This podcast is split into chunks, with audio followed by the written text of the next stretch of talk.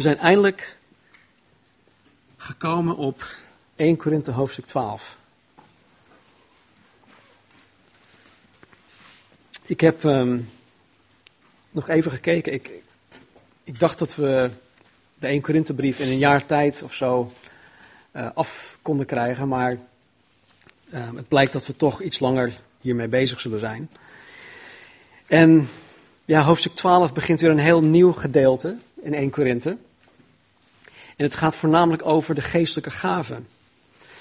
En nou, we zullen zien uh, de komende weken, want ik geloof dat wij er zo'n vijf of zes weken mee bezig zullen zijn, met uh, hoofdstuk 12 tot en met 14, um, ehm, wat er allemaal in staat.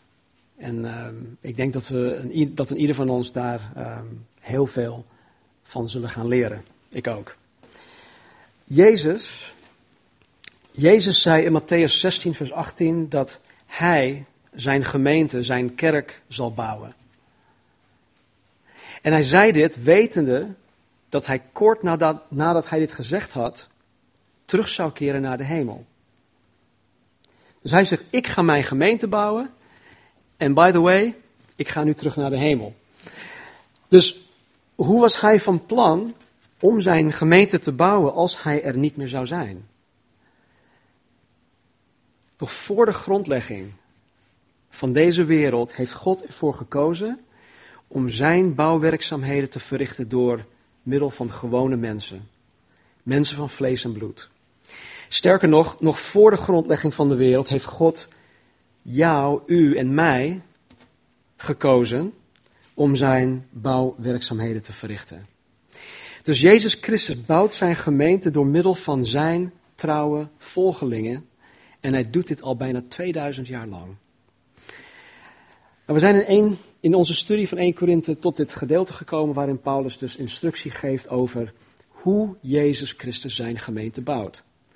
En we dachten, nou, 1 Korinthe 12, dat gaat om de, de, de, de gave van de geest. En we gaan over allerlei spannende dingen gaan we horen. Nou, dat is ook zo. Maar waar het uiteindelijk op neerkomt, is dat deze dingen um, er zijn om de gemeente te bouwen en op te bouwen. Dus we gaan vooral zien, de komende vijf, zes weken, hoe God te werk gaat in en door middel van zijn mensen. Dus ja, Jezus bouwt zijn gemeente door middel van menselijke werktuigen, maar hij laat ons hier zeker niet aan ons eigen lot over. In Johannes 14, vers 18 zegt Jezus tot zijn discipelen en ook tot ons, hij zegt, ik zal u niet als wezen achterlaten. Ik kom weer naar u toe. En het was een afscheidsspeech. Hij had het uh, over zijn, zijn heen gaan naar de hemel. Maar hij zegt, ik zal je niet als een wezen achterlaten. Ik kom weer naar je toe. En hij bedoelt dus niet dat hij fysiek zou komen, maar door middel van de Heilige Geest. En dat, was hij, dat had hij ook gedaan. Hij was door middel van de Heilige Geest uh, op Pinksteren, Handelingen 2, en toen de Heilige Geest werd uitgestort op de 120 gelovigen, was Jezus in die kracht weer teruggekomen. En dat was op dat moment dat de kerk werd geboren. En vanaf dat moment is de Heilige Geest elke seconde uh, bezig om de ware navolgers van Jezus Christus te bekrachtigen om zijn kerk te bouwen en op te bouwen. En Jezus was ook op deze manier in Korinthe bezig, om ook daar zijn kerk te bouwen. Alleen was het zo dat de menselijke werktuigen in, in de kerk in Korinthe zich niet echt bezig hielden met de bouw of de opbouwwerkzaamheden. Zoals we inmiddels weten was het een, ja, een gemeente die, die bestond uit mensen die heel egoïstisch waren. Die heel vleeselijk waren. Die nog heel onvolwassen waren. Onmondig. Baby's in Christus. En ook op dit gebied schoten de Corinthiërs gigantisch tekort bij het bouwen en opbouwen van de kerk. Ook op dit gebied, met geestelijke gaven, heerste er hoogmoed, egoïsme, geestelijke onvolwassenheid, vleeselijkheid. En vandaar dat Paulus dit, dit gedeelte begint met vers 1, 1 Korinthe 12, vers 1. En dan zegt hij, wat nu de geestelijke gaven betreft, broeders, wil ik niet dat u onwetend bent. Paulus heeft het in hoofdstuk 12 tot 14 over de bovennatuurlijke bekrachtiging van de Heilige Geest, die elke wedergeboren christen krijgt om de gemeente te bouwen en op te bouwen. En Paulus begint dit gedeelte door te zeggen: Wat nu de geestelijke dingen betreft, wil ik niet dat jullie onwetend zijn. Even tussen haakjes, ik weet niet welke vertaling jullie hebben, maar uh, in deze paarse Bijbel of blauwe Bijbel staat het woord gave uh, schuin afgedrukt. Dat, dat, houdt in dat dat woord gave niet in de oorspronkelijke tekst staat. En maar dat het door de context waarin het gezegd wordt, dat wordt geïmpliceerd. En even verder zullen we zien dat het wel om gave gaat. Nou, het is opvallend dat Paulus dit zegt, want er is door de gehele kerkgeschiedenis heen en tot op de dag van vandaag veel onwetendheid in de kerk voor wat betreft geestelijke dingen. En wat, deze, wat deze geestelijke dingen betreft, is het Gods wil dat wij niet onwetend zullen zijn. En toch heerst er over het algemeen best wel veel ja, eh, onwetendheid. En omdat God niet wil dat wij onwetend zijn, zullen we op een heel rustig tempo hoofdstuk 12 tot en met 14 gaan behandelen. En zoals ik al zei, ik denk dat we de komende vijf tot zes weken ermee bezig zullen zijn. Vers 12. Sorry, vers 2. U weet dat u heidenen was, weggetrokken naar de stomme afgoden. Zo liet u zich meevoeren. Paulus wil deze mensen eraan herinneren dat ze uit een wereld zijn gekomen die zich voornamelijk bezig hield met afgoderij. ofwel met de afgodendienst. Hij zegt, dit is waar jullie vandaan komen. Weet je dat nog? En hij doet dit omdat de Corinthiërs zich niet geheel um, hebben losgemaakt van uh, de heidense wereld waaruit zij gekomen zijn. Ze zijn nog enigszins nog vast in, in, in die wereld, in, die, in, in het wereldsdenken. Ze zijn wel tot het koninkrijk van God gekomen, maar ze zitten nog vast in, in, in de wereld. En omdat zij zich niet geheel los hadden gemaakt van het leven waaruit ze kwamen, waren ze niet in staat om met de geestelijke dingen van God om te gaan zoals God het bedoelt. En had puur te maken met onvolwassenheid. Hun kennis en ervaring over geestelijke dingen was gebaseerd op de afgodendienst. waarin trouwens ook bovennatuurlijke dingen tot uiting kwamen. Weet jullie nog het uh, verhaal in Exodus? Mozes die komt voor Farao en zijn staf, die gooit hij op de grond en God doet het veranderen in een slang. En de magiërs van, van, van Farao die komen, oh, dat kunnen wij ook. Dus zij deden hetzelfde. Maar vervolgens slok de slang van Mozes de andere slang op.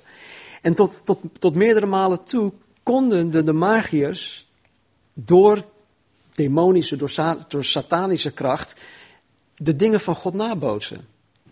En dat is eigenlijk hetzelfde waar, waar deze mensen vandaan komen. Ze, ze hadden afgodenverering en ze ervoeren ook heel veel bovennatuurlijke dingen. Alleen was, was de bron van die dingen niet in God, maar in de Satan. En wat deze Corinthiërs deden, zij brachten hun kennis en hun ervaring van hun afgodendienst mee naar hun nieuw leven met God.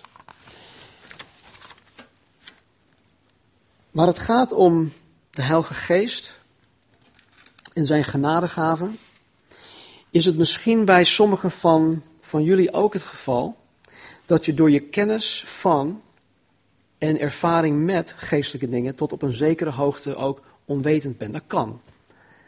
Ik heb heel lang als christen zijnde in onwetendheid op dit gebied geleefd, rondgewandeld.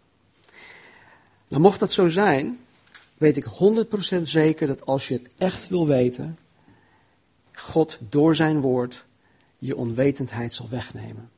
Want hij wil niet dat wij onwetend zijn. En als God het niet wil en als wij dat ook niet willen, dan zal het weggaan. Dan zal God ons daarin uh, op de hoogte brengen. Maar wat mij in, vers, in dit vers, in vers 2 opvalt, is dat Paulus zegt dat zij weggetrokken werden naar stomme afgoden. En dan bedoel ik niet van, ah, die, stomme afgoden. Nee, dat ze niet konden spreken. Het waren domme. Hè. Ze waren doof en stom, doofstom. Maar ze werden weggetrokken naar deze stomme afgoden. Ze werden meegevoerd. Hij zegt in vers 2: U weet dat u heidenen was, weggetrokken naar de stomme afgoden. Zo liet u zich meevoeren. Het Grieks woord voor wegtrekken werd voornamelijk gebruikt in de zin dat een crimineel ehm, of een veroordeelde weggeleid werd onder toezicht van bewakers. Dat wil zeggen dat degene die weggeleid werd totaal geen zeggenschap had over zijn situatie. Hij was machteloos. De reden waarom dit mij opvalt, is omdat bijna elke nog niet gelovig persoon zegt dat hij zijn vrijheid niet wil opgeven omwille van het christen zijn. Zelfs jonge christenen zeggen dat. ik, ik wil mijn vrijheid niet echt opgeven. Maar de Bijbel leert ons hier en op andere plaatsen dat de nog niet gelovig mens helemaal niet vrij is. Maar dat de persoon die niet vervuld is met Gods geest, die niet wedergeboren is, in de greep van zonde is en in de greep van Satan die hem of haar gebonden houdt. Deze persoon heeft absoluut wel de vrijheid om te kiezen met welke zonde zij zich bezighouden, maar is niet vrij om van die zonde af te komen. Ze kunnen er niks aan doen. Vers 3. Daarom, zegt hij, maak ik u bekend dat niemand die door de geest van God spreekt zegt, Jezus is een vervloekte. Ook kan niemand zeggen, Jezus is de Heere dan door de Heilige Geest. De Bijbel zegt ons niet wat er in de kerk in Korinthe precies gebeurde waardoor Paulus dit zegt.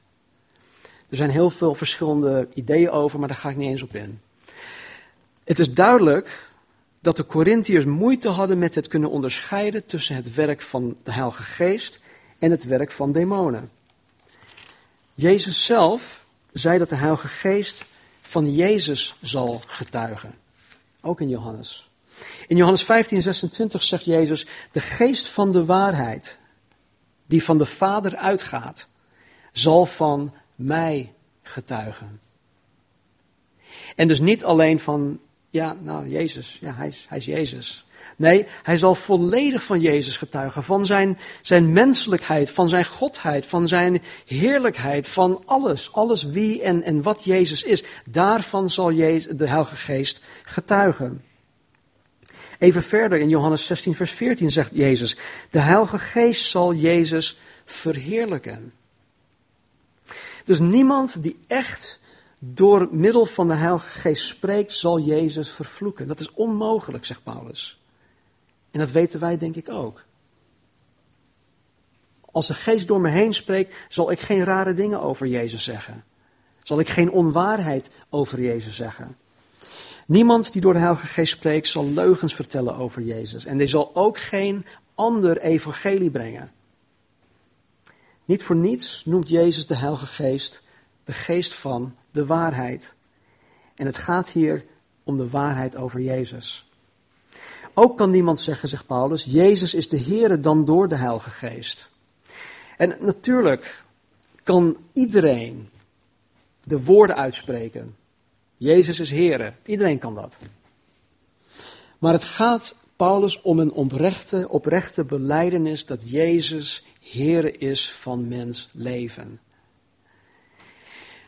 Als je met heel je hart gelooft dat Jezus God is, dat Hij gekruisigd is en gestorven is voor jouw zonde, om die zonde op zich te nemen, dat Hij opgestaan is uit de dood, als je met heel je hart kan zeggen dat Jezus Christus Heer is, hè, dat wil zeggen dat Hij meester is over alles dat geschapen is, ook jouw eigen persoonlijk leven, dan kan je dit alleen beleiden door de kracht van de Heilige Geest.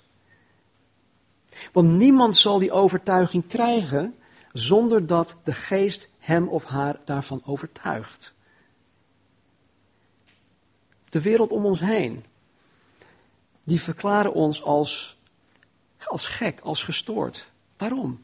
Omdat wij in een onzichtbare God geloven. Wij geloven dat 2000 jaar geleden een, een man op de wereld is gekomen, die uit de hemel is gekomen, zonderloos heeft geleefd, die is gekruisigd, drie dagen later is weer opgestaan uit de dood. Wij geloven dat. En mensen die denken dat als jij dat gelooft, dan, ben je, dan, dan ben je niet goed wijs. En, en toch geloven wij dat. En niemand kan mij wijsmaken dat dat niet zo is. Waar komt die overtuiging vandaan? Van de Heilige Geest die mij daarvan overtuigt. Waar vers 3 uiteindelijk op neerkomt, is dat wij geestelijke uitingen kunnen onderscheiden door te kijken naar wat zij van en over Jezus zeggen. Verheerlijkt de geestelijke uiting Jezus? Getuigt het van de waarheid over Jezus of wordt er over een, een andere Jezus gesproken? Vers 4. Er is verscheidenheid van genadegaven, maar het is dezelfde geest. Nou, nu pas komt het woord gave in beeld. En het betekent gunstbewijs. Het betekent geschenk, zoals hier ook staat, het betekent genadegift. Het is iets dat je krijgt dat niet te verdienen is. Je kan het niet verdienen. Je kan er niks voor doen om het te krijgen. Het heeft hier specifiek te maken met iets dat door de Heilige Geest aan de gelovige gegeven wordt. Dat hem of haar in staat stelt om de gemeente van Jezus Christus op een bovennatuurlijke wijze te bouwen en op te bouwen. Een genadegave is niet hetzelfde, dit is belangrijk om te weten, het is niet hetzelfde als het hebben van een bepaald talent of een bekwaamheid. Dat is heel wat anders. Natuurlijk kunnen wij onze talenten gebruiken voor de Heer en onze bekwaamheden. Ik geniet van jullie talenten en bekwaamheden. Als Vasili Surinaams gaat koken bijvoorbeeld, nou ja, dan geniet ik daarvan. Uh, Gerry heeft uh, van de week iets voor mij genaaid. Ze is een naaister? Ja? Oké. Nou, daar geniet ik van. Het is een talent die ze heeft. Het is een bekwaamheid die ze heeft. Dus wij kunnen elkaar met die dingen dienen. En dat moeten we ook, dat horen we ook te doen. Maar een genadegave is niet hetzelfde als het hebben van een bepaald talent of bekwaamheid. Een ongelovige die niet vervuld is met Gods geest kan zeer getalenteerd of bekwaam zijn op heel veel verschillende gebieden. Maar dat wil nog niet zeggen dat het een genadegave is van de Heilige Geest. Ik geloof dat deze dingen sowieso door God aan de mens gegeven worden. Want alle goede dingen komen van God, staat er in de Bijbel. Maar het zijn en blijven natuurlijke vermogens die zowel gelovigen als ongelovigen kunnen hebben. Wat ik er wel bij wil zeggen, is dat wanneer een persoon tot geloof in Jezus Christus komt, hij of zij hun talent op een andere wijze kunnen gaan gebruiken. Eh, denk bijvoorbeeld aan een muzikant die, uh, die na of eh, zijn of haar bekering christelijk muziek gaat maken in plaats van wereldsmuziek. Er zijn zoveel verschillende voorbeelden. Ik heb ook dingen geleerd toen ik nog, niet, nog niet christen was, die ik nu ook gebruik voor Gods koninkrijk. Het zijn bekwaamheden, ervaringen, dingen die God ons, ons, ons leert. En die dingen die kan God allemaal gebruiken, maar het is niet hetzelfde als een genadegift. En het alleen muziek maken of muziek spelen is niet voldoende om de gemeente van Jezus Christus op te bouwen en vandaar de noodzaak, de noodzaak van de genadegave. We kunnen hiervoor, in plaats van dat wij met z'n drieën hiervoor staan, of straks met meer of in een andere samenstelling, we kunnen hier drie professionele muzikanten hebben staan. En ze kunnen het muzikaal waarschijnlijk honderd keer beter doen dan ik. Maar hun hart, hun relatie met de Heer, de fijngevoeligheid voor de Heilige Geest, dat is er niet. En dan spelen ze muziek, maar ze dienen jullie niet. En ze hebben niet ja, het hart van God, die, waardoor, waardoor God kan werken.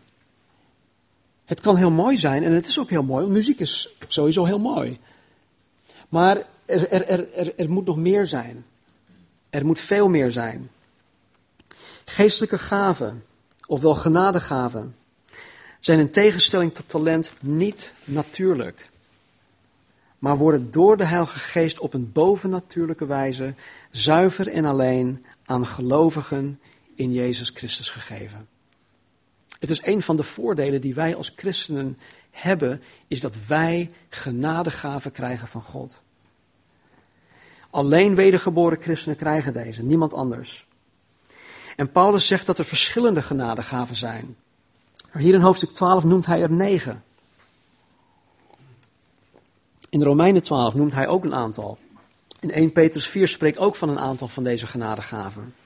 Maar ondanks dat er verscheidenheid is, ondanks dat er verschillende genadegaven zijn, is het één en dezelfde Heilige Geest.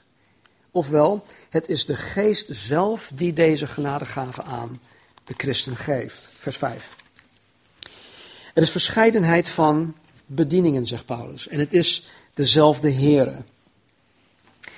Vaak denken mensen wanneer je het over het woord bediening hebt. Als wij het over bediening hebben. Dat je het over een functie hebt, zoals voorganger of diaken of oudste of zondagschoolmedewerkster of worship leader of noem maar op. Maar dit woord bediening of bedieningen betekent simpelweg dienstbetoon. Nou, ik als niet-Nederlandstalige weet niet echt wat dienstbetoon betekende, dus ik moest het opzoeken. Maar het betekent niets anders dan dat je meehelpt. Daar komt het uiteindelijk op neer. Bedieningen betekent meehelpen. Jongens, laten we de schouders eronder zetten. Laten we, laten we, samen, laten we het samen doen. Bedieningen. En Paulus zegt hier dat er verschillende vormen van dienstbetoon zijn. Met andere woorden, dat er verschillende manieren zijn om de gemeente te dienen en op verschillende gebieden. Er zijn heel veel verschillende manieren. Waar er een beperkt aantal genadegaven zijn, de twaalf of de negen hier in hoofdstuk 12, in Romeinen en in 1 Petrus, zijn de mogelijkheden om te dienen oneindig. Ze zijn oneindig.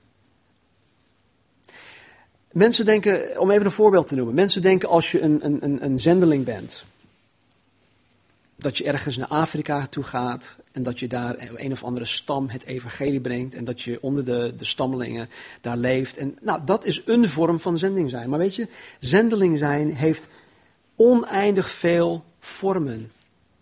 Die bediening heeft zoveel verschillende facetten. Je kan op zoveel verschillende manieren zendeling zijn.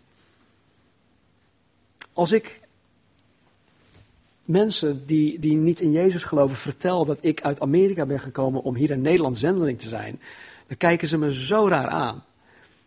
Want zij hebben het idee van, ja, hoor jij niet ergens in, uh, in Afrika te zijn of in India of zo? Wat doe jij hier eigenlijk? De kerken hier lopen leeg. Goed, oneindig veel mogelijkheden. En ondanks dat er oneindig veel mogelijkheden zijn om te dienen, geldt dat het één en dezelfde Heere is, ofwel dat het de Heere zelf is die deze bedieningen geeft. Vers 6. ik denk niet dat we verder komen dan vers 6. Paul zegt, er is verscheidenheid van werkingen, maar het is dezelfde God die alles in allen werkt. In sommige Bijbelvertalingen staat er dat er verschillende uitingen zijn van bijzondere kracht. Maar hier in de herziende statenvertaling staat werkingen. Het Grieks woord dat Paulus gebruikt is energema. Energema. Waarvan wij het Nederlands woord energie ook krijgen. Je kan het zien als de kracht dat iets bewerkstelligt. Net zoals de genadegaven op een bovennatuurlijke wijze door de Heilige Geest tot ons komen, worden de gaven ook op een bovennatuurlijke wijze door God in ons en door ons heen in werking gesteld. Het is iets bovennatuurlijks. En het maakt niet uit hoe goed wij als christenen in iets getraind zijn of opgeleid zijn, hoeveel ervaring wij op een bepaald gebied hebben of hoe onzelfzuchtig wij willen dienen. Het is niet mogelijk om de genadegave in eigen kracht uit te oefenen. Dat is gewoon uh, vragen om gefrustreerd te raken. Het is niet mogelijk. Waar wij wel ons talent, onze bekwaamheden, onze slimheid enzovoort enzovoort in eigen kracht kunnen uitoefenen, kan alleen degene die ons de genadegave geeft, ons de kracht en de energie geven om de gave effectief te gaan gebruiken. Nou, dit is heel bemoedigend voor mij. Heel erg bemoedigend. Want vaak heb ik de kracht en de energie niet om iets te doen. Herkennen jullie dat? Ik had um, vrijdagavond, was het vrijdag? Ja, vrijdagavond had ik een gesprek met iemand. En het ging over ehm, het, ja, het druk zijn. En eh, we hebben allemaal een druk bestaan. En uh, ja, ik, kan dit er niet bij hebben en dat. En uh, we probeerden een, een, een, een, middenweg te, te vinden om de belasting eigenlijk een beetje goed te verdelen. En dat het niet te veel wordt, werd voor die persoon. En ik vertelde die persoon dat, weet je, op het moment dat je ja zegt tegen God en je wil iets doen en je gaat ervoor en je wil je gaven gebruiken, dan geeft God je de energie en de kracht om het te doen. Al, al krijg je maar vier uur slaap of drie uur slaap die nacht, je zal de volgende ochtend ook wel weer wakker worden. En je zal niet heel brak door de dag heen gaan van, oh, ik heb de Heer gisteravond moeten dienen. Oh man, wat ben ik moe. Wat is het zo vermoeiend om de Heer te dienen. Nee, God geeft je de energie. Ik, ik weet niet hoe jullie mij zien. En maar de afgelopen drie, vier weken heb ik uh, zondagochtend gedaan en ook uh, de leiderschaptraining. En ik, ik, ik, moet je zeggen, om eerlijk te zijn, ik ben, fysiek ben ik best wel moe op die dagen. Maar ik geloof niet, vertel het mij of het anders overkomt, maar ik geloof niet dat jullie het idee van mij krijgen dat ik zo ontzettend vermoeid ben. Dat ik zo ondergebukt ga onder die grote last van de gave die God op mij plaatst om die te gaan gebruiken. Nee, ik geloof echt dat God mij op, op het moment dat ik ze nodig heb, dat God mij ook de energie en de kracht geeft om het te doen. En dat doet hij elke keer weer. En pas na het moment dat, het moment van, oké, ik wil je gebruiken, als je vervolgens niet meer gebruikt hoeft te worden, dan kan het wel zo zijn dat je in één keer gewoon in elkaar stort. Dat je, dat je zoiets hebt van, oh, nou, nu ben ik echt moe. Maar dat is oké. Want God herstelt je weer. God geeft je weer de kracht en de energie. Dus dit is echt bemoedigend. God geeft me de energie om het te doen. Naast de energie of de kracht dat God ons geeft, betekent energema ook dat God in de persoon werkzaam is. Hij is in de persoon werkzaam. Dat wil zeggen dat God in jouw leven actief bezig is met het ontplooien en tot uiting laten komen van datgene dat God in en door jouw leven heen wil bewerkstelligen. Hij is actief bezig om die gave in jouw leven en door je leven heen te doen. En zoals in ieder van ons uniek is, is er verscheidenheid in hoe God zijn bovennatuurlijke kracht in ons en door ons heen tot uiting wil laten komen. Hij wil het op een unieke wijze door in ieder van ons tot uiting laten komen. En ook hiervoor geldt dat het één en dezelfde God is, ofwel dat, dat het God de Vader zelf is die deze werking, die deze kracht, die deze energie aan ons geeft. Nou, wat kunnen wij hiervan opsteken? In vers 4 zien wij verschillende genadegaven, maar dezelfde Heilige Geest die ze geeft. In vers 5 zien wij verschillende bedieningen, maar dezelfde Heere Jezus die ze geeft. In vers 6 zien wij verschillende werkingen of energie, maar dezelfde God die ze geeft. Nou, ten eerste zie ik heel duidelijk dat het één en dezelfde God is, de Heilige Geest is, de Zoon is die ons de gave geeft. Het is God de Vader, God de Zoon, God de Heilige Geest. De drie eenheid die ons deze dingen geeft. Ik geloof niet dat Paulus ons probeert duidelijk te maken dat de Heilige Geest uh, over de afdeling uh, genadegaven gaat. En dat Jezus over de afdeling bedieningen gaat en God de Vader over de afdeling energie en werkingen gaat. Nee, ik geloof dat niet. Ik geloof dat Paulus ons gewoon duidelijk wil maken dat God één is. En dat al deze gaven van één en dezelfde God afkomen. Ten tweede zie ik dat Paulus de verscheidenheid benadrukt. Elke keer zien wij, er zijn verschillende of er is verscheidenheid in de genadegaven, in de bedieningen, verscheidenheid in de werkingen. Ik zie dat hij de verscheidenheid, het verschil, de verschillen benadrukt. En ik vind dat ook heel erg mooi. ook zeer bemoedigend.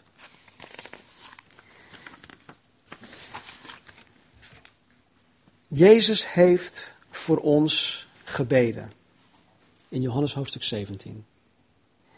Hij voor de gemeente gebeden. En hij vroeg aan God de Vader om ons één te maken. Om ons één te laten zijn. Hij bad om eenheid in zijn lichaam, in zijn gemeente. Jezus bad voor eenheid, niet uniformiteit. Dat betekent dat wij niet allemaal hetzelfde moeten zijn of hetzelfde moeten doen. Stel je voor, in plaats van dat wij een kerkgenootschap zijn, zijn wij nu een voetbalvereniging. Maarten al, yes. En stel dat wij allemaal stuk voor stuk keeper wilden zijn. Dan heb je wel uniformiteit, want we zijn allemaal keeper. Dat is uniform. Maar je hebt geen eenheid. Want we zouden niet kunnen functioneren als een team als elf spelers voor het doel staan. Dat kan toch niet? Wat zeg je? Ja, dat wel. Maar je zal nooit scoren. En zoals ieder lid van een elftal zijn eigen positie speelt, heeft God ieder lid van zijn gemeente een eigen unieke plaats gegeven. Uniek. God heeft mij, en ook jullie, maar ik wil het even op mezelf betrekken. God heeft mij, Sten Marinissen, uit de wereld geroepen om Hem te kennen en Hem te dienen. Ik ben uniek. Ik ben uniek. Er is niemand zoals Stan Marinissen. En ik zeg dit niet om mezelf op te blazen, maar ik, ik probeer een punt te maken. God heeft mij gemaakt en heeft mij unieke karaktereigenschappen en een uniek persoonlijkheid gegeven. God heeft me ook een uniek, een uniek leven gegeven, waarin ik unieke ervaringen heb opgedaan. Uit de miljarden mensen die hier op aarde rondlopen, is er geen enkel ander persoon die gelijk is aan mij. Ik ben uniek. Dit geldt ook voor jullie. Het allermooiste hiervan is dat God mijn uniekheid wil gebruiken om Hem te helpen met het bouwen en opbouwen van zijn gemeente. De eerste jaren van mijn christen zijn was ik zeer onder de indruk van bepaalde mensen, bepaalde bijbelleraren, bepaalde evangelisten, noem maar op. Nog steeds trouwens, ik ben nog steeds onder de indruk van deze mensen. Maar in, in die tijd wilde ik zo graag zijn zoals zij. Ik wilde de Bijbel onderwijzen zoals Chuck Smith. Ik wilde grappig zijn zoals Bob Coy. Ik wilde evangelist zijn zoals Billy Graham. En dan probeer je jezelf een beetje ja, in, in die vorm te, te, te wringen en je probeert het te doen zoals zij dat doen. Maar elke poging om mijn leven, mijn bediening uit te oefenen zoals deze mensen het deden, lukte voor geen meter. Het lukte niet. Het bracht mij alleen maar een hoop frustratie. En na verloop van tijd sprak God tot mijn hart. Hij sprak tot mijn hart door, door zijn woord, door verschillende preken die ik heb gehoord, door mensen die ik ook ken. En hij sprak tot mijn hart en hij zei: Stan, ik heb jou, Stan, ik heb jou geroepen om Stan Marinissen te zijn. Ik heb jou geroepen om Stan te zijn.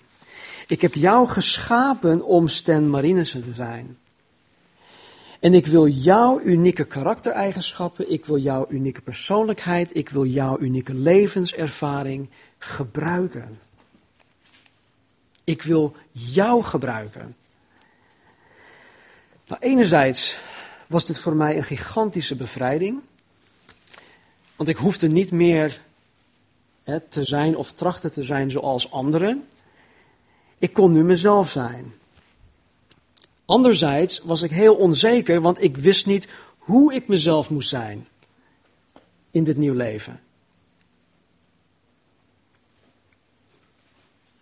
want God zegt nu ook tegen jullie: Je mag jezelf zijn. Wees niet of probeer niet als anderen te zijn, want er is maar één jij. En ik heb jou als jij geroepen. Ik weet niet of dat taalkundig goed, uh, goed is, maar jullie weten wat ik bedoel. Dus ik begon me af te vragen wat God in mij zag en wat Hij van mijn uniek leven kon en wilde gebruiken.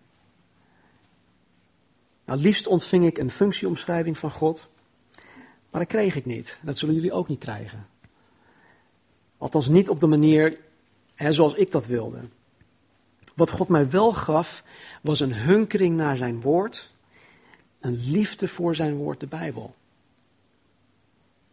En naarmate ik het woord van God mijn eigen maakte, begon God zijn wil en zijn plan voor mijn uniek leven te openbaren. En weet je, nu na. Even kijken. Bijna twintig jaar christen zijn. Nu voel ik me echt prettig bij, bij het feit dat ik Stan Marinissen mag zijn zonder dat ik probeer iemand anders te zijn of iemand anders hoef na te doen. Ik heb er niet alleen vrede mee, ik vind het gewoon leuk om mij te zijn. Soms niet. Maar ik, ik, ik hoef niet meer. Snap je? Ehm, er, er, ligt geen druk meer op mij van je moet zus of zo doen. Je moet, je moet uh, zo zijn of zo zijn. Nee, ik ben gewoon wie ik ben. En ik, ik, wil, ik, ik, ik, ik stel me beschikbaar voor God en ik wil de Heilige Geest, ik wil dat de Heilige Geest mij uh, verandert en, en, en, en vormt naar het evenbeeld van Jezus Christus. En als wij, als jullie dat doen, dan zal er een hele last van je afvallen. Want ook Paul, ook Stanley, ook Shay, ook Kendall, ook Mike, eh, jullie zijn stuk voor stuk uniek.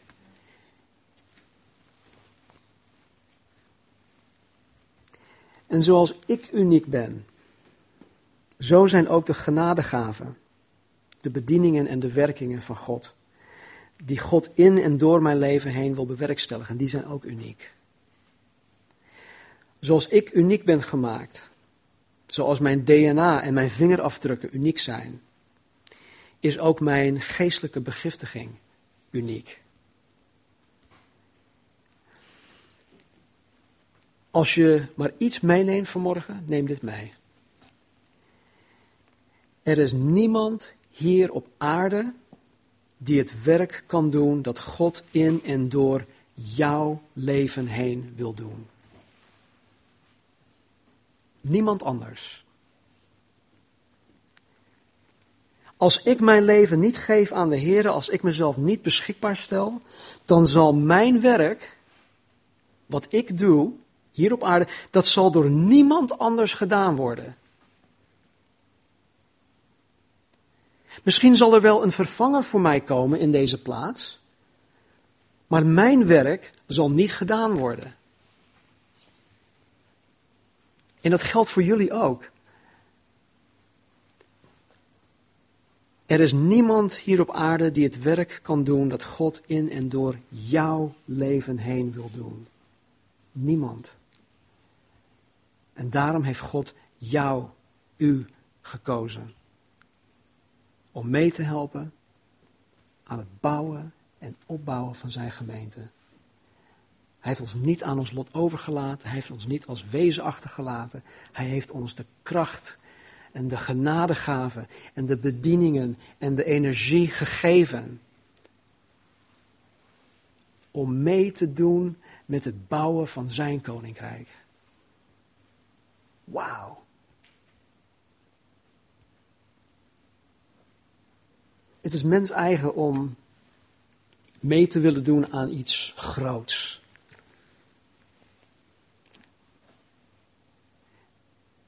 Eh, ik ken wat oudere mensen die hebben in de Tweede Wereldoorlog gevochten. Die worden elk jaar um, gehuldigd, zegt dat goed? Ja. En die mensen die hebben aan iets groots meegedaan. Daar zijn ze trots op. Het heeft de wereld veranderd. Dan zouden wij hier ook Duits spreken waarschijnlijk. Maar het heeft een grote impact gehad op de, op de wereld. En het is mens eigen om, om iets van betekenis te willen doen. Een jonge man die ik van de week sprak, die is uh, kort geleden bij een nieuwe werkgever begonnen. En het is een hele gave werkgever. Ze zijn bezig met super high-tech dingen. En ik, als ik in zijn schoenen stond, dan zou ik gewoon super blij zijn om daaraan mee te kunnen doen. Want ze maken ook een grote impact op mensenlevens met deze technologie. En om daar gewoon een steentje aan, te, aan kunnen bij te dragen, dat, dat is gewoon super. Hartstikke gaaf. Hoe meer dan bij het bouwen en opbouwen van Gods koninkrijk. Als je je werk nalaat, dan zal dat werk verloren gaan. Jij, u bent uniek. En God wil je gebruiken. Laten we bidden. Vader, ik dank u voor uw woord. Ik dank u, Heer, voor het voorbeeld, al zij het een slecht voorbeeld van de kerk in Korinthe, waardoor we deze geweldige brief van de apostel Paulus ook hebben gekregen, Heer. Waaruit we zoveel belangrijke lessen kunnen halen. En Heer, ik zie uit naar wat u tot ons zal spreken, Vader, door de rest van deze brief heen. Heer, ik dank u wat u vanmorgen al heeft gedaan. Dat u ons duidelijk heeft gemaakt, Heer, dat wij uniek zijn.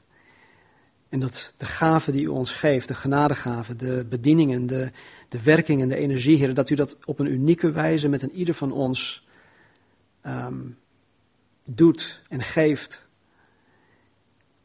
En Heer, ik hoop en ik bid zo, Vader, dat u en ieder van ons hier door en hierbij zal bepalen. Vader, dat we meer en meer door zullen krijgen. Dat wij uniek zijn en dat ons werk, heren, um, niet iets is dat we zomaar kunnen nalaten en denken van, ah joh, die anderen doen dat wel. Heer, het is belangrijk en het is zo belangrijk dat u en ieder van ons voor de grondlegging van de wereld heeft gekozen om dit werk te doen. En Heer, bovendien zullen wij ook beloond worden.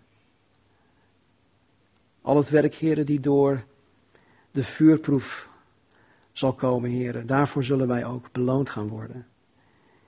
En Heer, ik wil zo graag voor mezelf, maar ook voor een ieder, heren, van de Calvary Chapel, dat wanneer we voor uw troon komen te staan, heren, dat u zal zeggen, oh, goed gedaan, gij trouwe dienstknecht. Dus help ons, Heer, bepaal ons hierbij. Verander ons denken, verander ons hart, open onze ogen en harten voor wat u voor ons, in het bijzonder, Heer, de komende vijf à zes weken, door dit gedeelte, uh, tot ons wil spreken en in ons en door ons heen wil doen. Dus vader, zegen en ieder. Zegen ons vandaag, dank u wel voor het geweldig weer. En uh, help ons, heren, om u lief te hebben met heel ons hart, verstand, kracht en ziel. En om van elkaar te houden, heren, zoals u van ons houdt. Want daardoor zullen alle zien dat wij daadwerkelijk uw discipelen zijn. Help ons, Heer. Dank u wel. Geef ons een gezegende week. Behoed en bewaar en ieder van ons, vooral ook onze kinderen. Zegen onze huwelijken. Zegen onze relaties. En laat een ieder van ons, Vader, dichter naar u toe komen. En u beter leren kennen. In Jezus' naam. Amen. Laten we gaan staan.